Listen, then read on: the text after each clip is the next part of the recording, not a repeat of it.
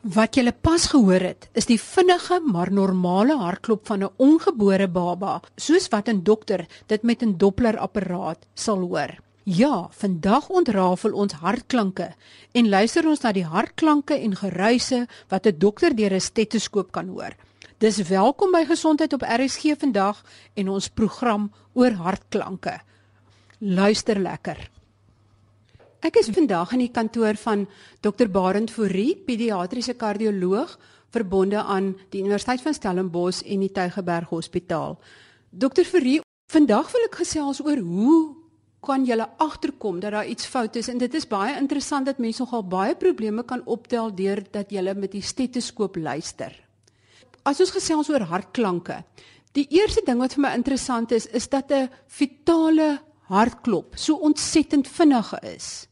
Wat is die normale vitale hartklop in vergelyking met 'n volwassene en hoekom klop sy hart so vinnig? 'n Normale volwasse persoon se hartklop is tussen omtrent 60 tot 100 sal ons nog aanvaar as normaal. Maar as ons by kinders kom, raak dit al hoe vinniger en as ons praat van fetale hartkloppe, is enige iets van omtrent 100 tot 160 is nog normale hartspoed. So baie vinniger as 'n groot mens se hartspoed.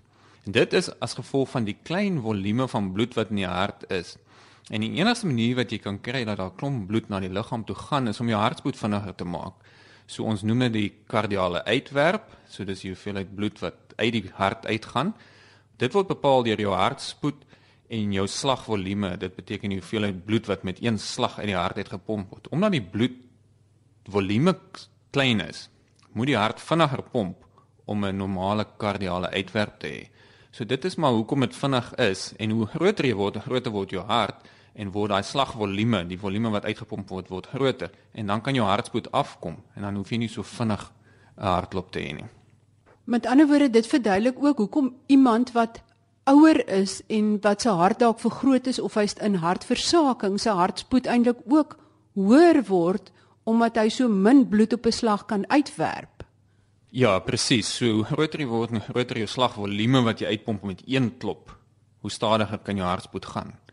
Maar met 'n versakende hart wat nie kan pomp nie, as daai volume bloed binne bly en hy kan nie saamtrek nie, so die volume wat hy uitpomp is bitter min, so selfs met 'n groot mens wat sy hart nou gedilateerd is en groot is, moet hy kompenseer deur ook vinniger te klop. So vinniger hy klop, hoe meer kan hy met 'n klein volume 'n klomp keer uitpomp. So dan kan hy sy kardiale uitwerp so verhoog ook. Goed, ons is weer terug by die baba. Kan 'n baba se hart vinniger as 160 slaap per minuut klop en kan dit op 'n een of ander probleem dui of is dit nog steeds normaal en wat gebeur as 'n baba gebore word en sy hartklop is baie stadig wat beteken dit Ja so ons aanvaar die toppunt van normaal omtrent ongeveer by 160 so as 'n baba se hartbeat vinniger is dit is kan ons dink dat daar iets moontlik fout is. En dit kan iets fout wees met die geleidingsstelsel van die hart hulle kan ventrikulêre tachykardie kry wat miskien kan wys of op elektrolytversteurings of dat die kind in versaking is. So ons kan dit optel en jy kan spesifiek na die die hart gaan kyk op 'n ekho of so en sien hoe vinnig die hart klop en of daar iets fout is of die hart in versaking is. En dan as hy stadiger gaan, kan dit ook op ander probleme aandui. Veral in fetusse as die hart stadig klop, kyk ons baie keer na die ma of nie iets soos lupus is nie, want dit kan die hart geleidingsstelsel aantas en tipies kry mense 'n hartblok. So beteken die atria trek saam teen 'n normale spoed of miskien partykeer bietjie vinniger, maar dit gelei nie na die ventrikel nie. So die ventrikels klop baie stadig, partykeer onder 60 en hierdie babas gaan in versaking in as gevolg van die stadige hartklop. En ons moet dadelik iets doen as die babas gebore word of hulle medisyne gee, maar gewoonlik moet ons 'n pasangeer insit om die hart vinniger te laat klop. Ek speel nou 'n insetsel van hoe 'n gewone normale hartklank. Dit wat ons ken as 'n lip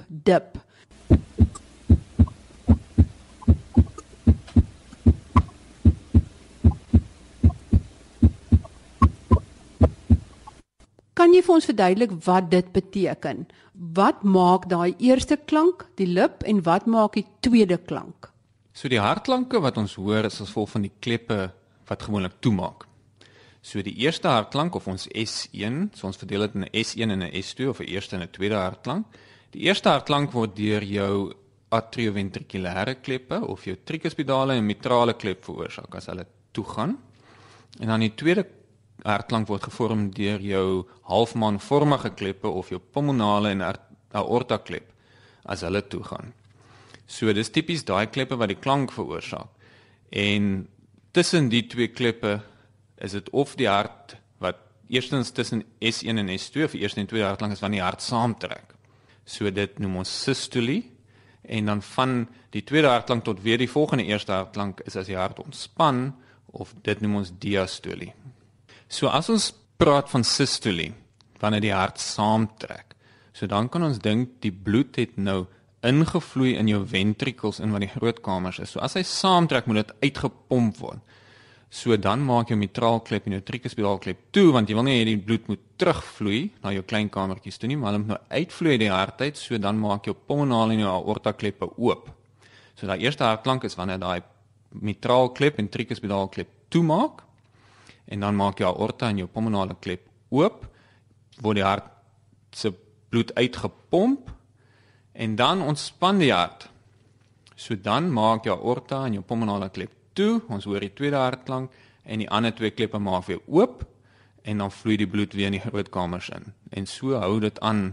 So elke keer as die hart saamtrek, maak jy tricuspidaal mitrale klep toe, as jy ontspan, maak jy aorta en jou pulmonale klep toe. Maar dit beteken as mens dit kan hoor deur 'n stetoskoop en selfs as jy in 'n bad lê en jy lê met jou ore onder die water, dan kan jy duidelik daai klanke hoor. Dit beteken dat die kleppe eintlik 'n geweldige spanning moet hanteer van daai toeslaan of die bloed wat terugval op die klep. So daai kleppe moet nogal baie sterk wees. Ja, dis hoekom die kleppe so gevorderde toestel is. En as mens na hulle gaan kyk, is dit nie sommer net 'n klein dun vliesie wat daar is nie, dit is 'n baie gevorderde en al die kleppe lyk verskillend. So jou groot kleppe, soos jou mitraalklep, het allerlei goedjies waaraan hy geheg is wat spiere is wat aan die wand van die ventrikel geheg is, al daai goed moet perfek saamwerk vir hierdie klep om te funksioneer. So dit is nie net 'n 'n vliesie nie, dit is 'n baie gekompliseerde toestel hierdie klep. En dit is so, alhoewel hulle papier dun is, moet hulle baie druk weerstaan. En dit is ook met ouderdom werk hulle nie meer so goed nie en dan kry mense ook allerlei lekkende kleppe en so as hulle nou nie meer so goed werk nie. Maar dit is nogal verbasend hoe intrinsieke wonderlike model hierdie kleppe is dat hulle so perfek gevorm is en laat elkeen maar verskillend werk.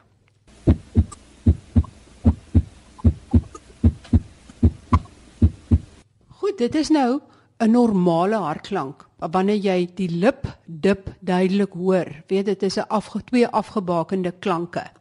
Maar dan kan mense hartgeruis hoor as een van die kleppe nie reg werk nie. Partykeer hoor jy 'n hart geruis tussen die lip en die dip. Kan jy verduidelik hoe dit klink en dan gaan ek gou-gou 'n klankgreep inspel van hoe dit klink en hoe fyn jy eintlik moet luister om dit te hoor.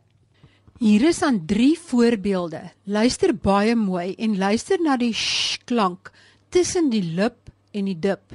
So lip sh dip. Goed, hier gaan ons.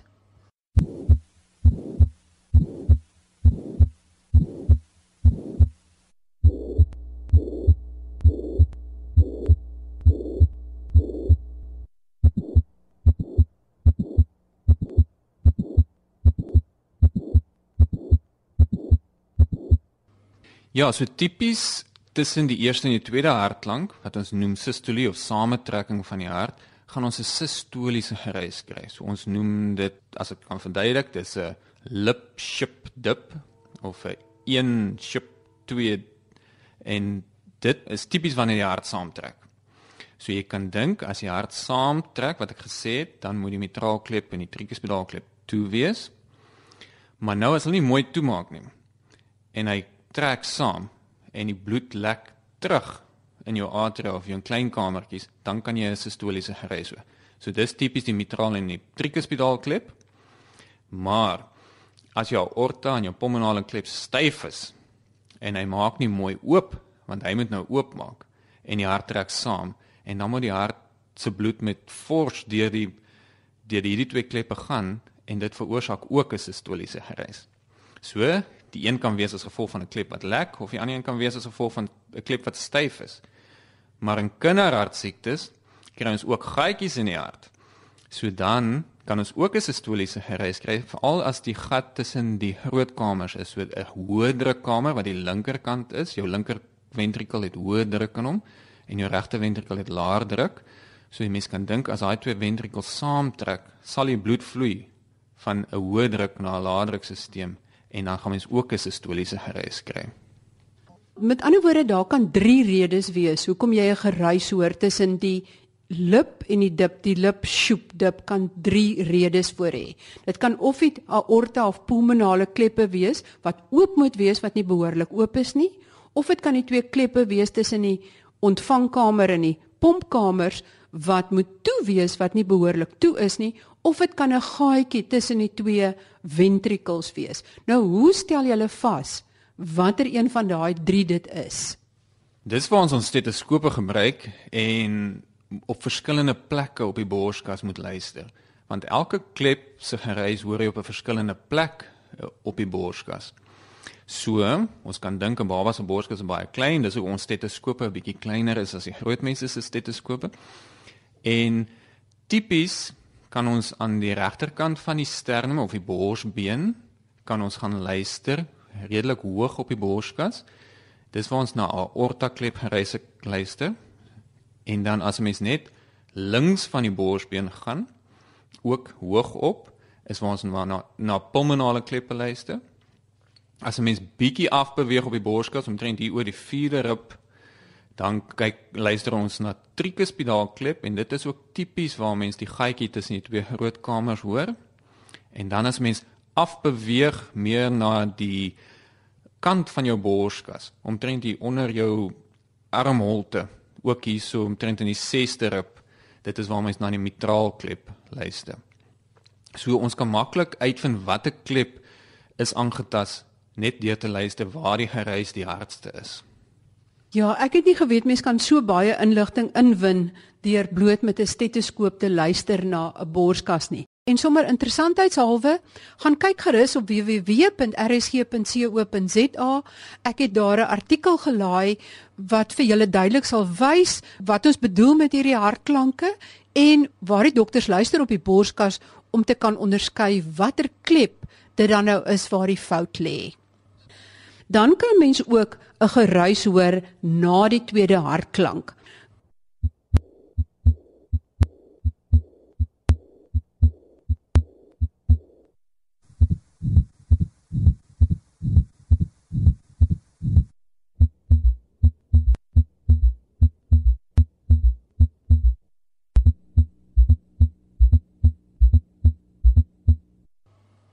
Kan jy gou verduidelik hoe dit klink? Weer die lip dip of 1 2 3 1 2 3. So ja, ons kan 'n wat ons noem 'n diastoliese gereis of die gereis wanneer die hart ontspan. Hy kom tipies voor na die tweede hartklank. So dit is tipies daai lip dip shup lip dip shup. So dit is tipies na die tweede hartklank en dan die ander gereis of geluid waarvan jy praat die 1 2 3 gereis is wat ons noem 'n galopritme of 'n S3 of 'n derde hartklank wat ons baie hoor in kinders as hulle aan hartversaking is. So dit kan ons weer dit dui weer op iets anders, laat die volume bloed wat in die linker ventrikel inkom is vermeerder. En dit is meer as gevolg van daai bloed wat rond, amper rondplons in die linker ventrikel dat ons 'n derde hartklank kry. So dit noem ons 'n galop want dit klink soos 'n perd wat hardloop en dit dui op hartversaking. Die diastoliese gereis wat ons hoor, die een tussen die tweede en die eerste hartklank, is nou net weer die teenoorgestelde as van die sistoliese gereis. Ons kan dink as die tricuspidaal en mitraalklep styf is en hy maak nie mooi oop as die hart ontspan nie, dan hoor ons 'n diastoliese gereis en dan die aorta en pulmonale klep as hulle lek, so as die hart ontspan, dan val die bloed weer terug in die ventrikel en dit is wanneer ons 'n diastoliese gereis hoor daar. So dit is net weer half die teenoorgestelde van die van die sistoliese gereis as ons na die kleppe luister. Goed, en dan stel jy hulle ook weer vas presies watter klep of waar die klank vandaan kom deur op verskillende dele van die borskas te luister. Ja, so weer eens as dit diastoliese gereis is oor al hierdie spesifieke plek op die borskas, dan kan ons vasstel wat se klep is aangetast. Maar mens kry ook 'n interessante gereis wat die hele tyd daar is. So hy hou nie op nie. Hy is tussen een eerste, tweede en tweede en weer eerste hartklank. Ons noem dit 'n aanhoudende gereis of 'n sistoliese diastoliese gereis.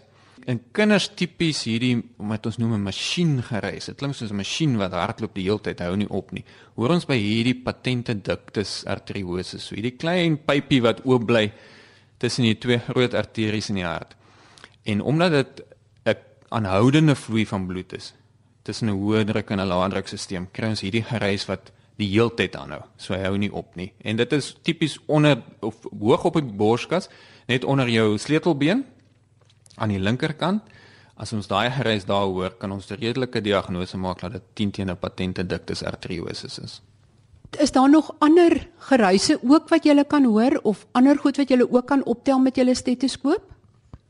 Dit hang af, natuurlik as ons na die longe luister kan ons allerlei goeters hoor, maar om gepraat van harte, ook wat ons nog kan hoor is um kinders wat klepvervangings gehad het spesifiek hierdie kinders wat die metaalkleppe gekry het as wat hulle kleppe vervang is met met metaalkleppe hoor ons wat ons noem 'n klik. So dit klink amper soos 'n horlosie wat hardloop die hele tyd. En kinders wat kleppe gehad het, sê tipies vir jou nee as hulle daar wakker word, jy het jou horlosie binne hulle vergeet want hulle hoor hierdie klep wat die hele tyd klink soos 'n horlosie wat tik.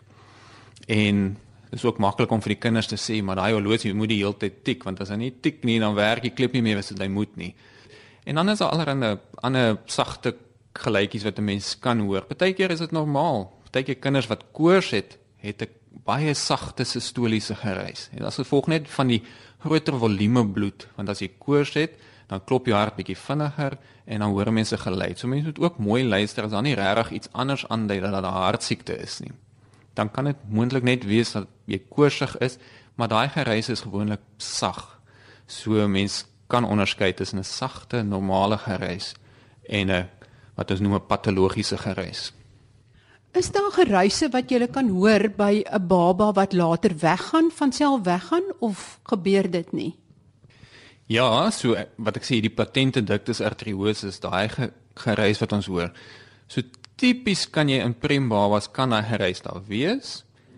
Maar 'n ductus kan toe gaan oor 'n ruk so hy kan of binne 3 dae toe gaan of baie keer kan ons hom kans gee tot so met 3 maande wat hy kan toe gaan. So dit is moontlik dat mense gereis kan hoor en laat hy later weggaan. Die ander ding wat ook kan gebeur is 'n um, ventrikulêre septale defek of die gaatjie tussen twee groot kamers in die hart. Dan waar hy in die in die wand is. So as hy tussen die spiere self is, dan baie keer as hy klein is, kan hy met ouderdom toe gaan. So dan gaan hy weg en dan tipies sal die gereis ook weggaan.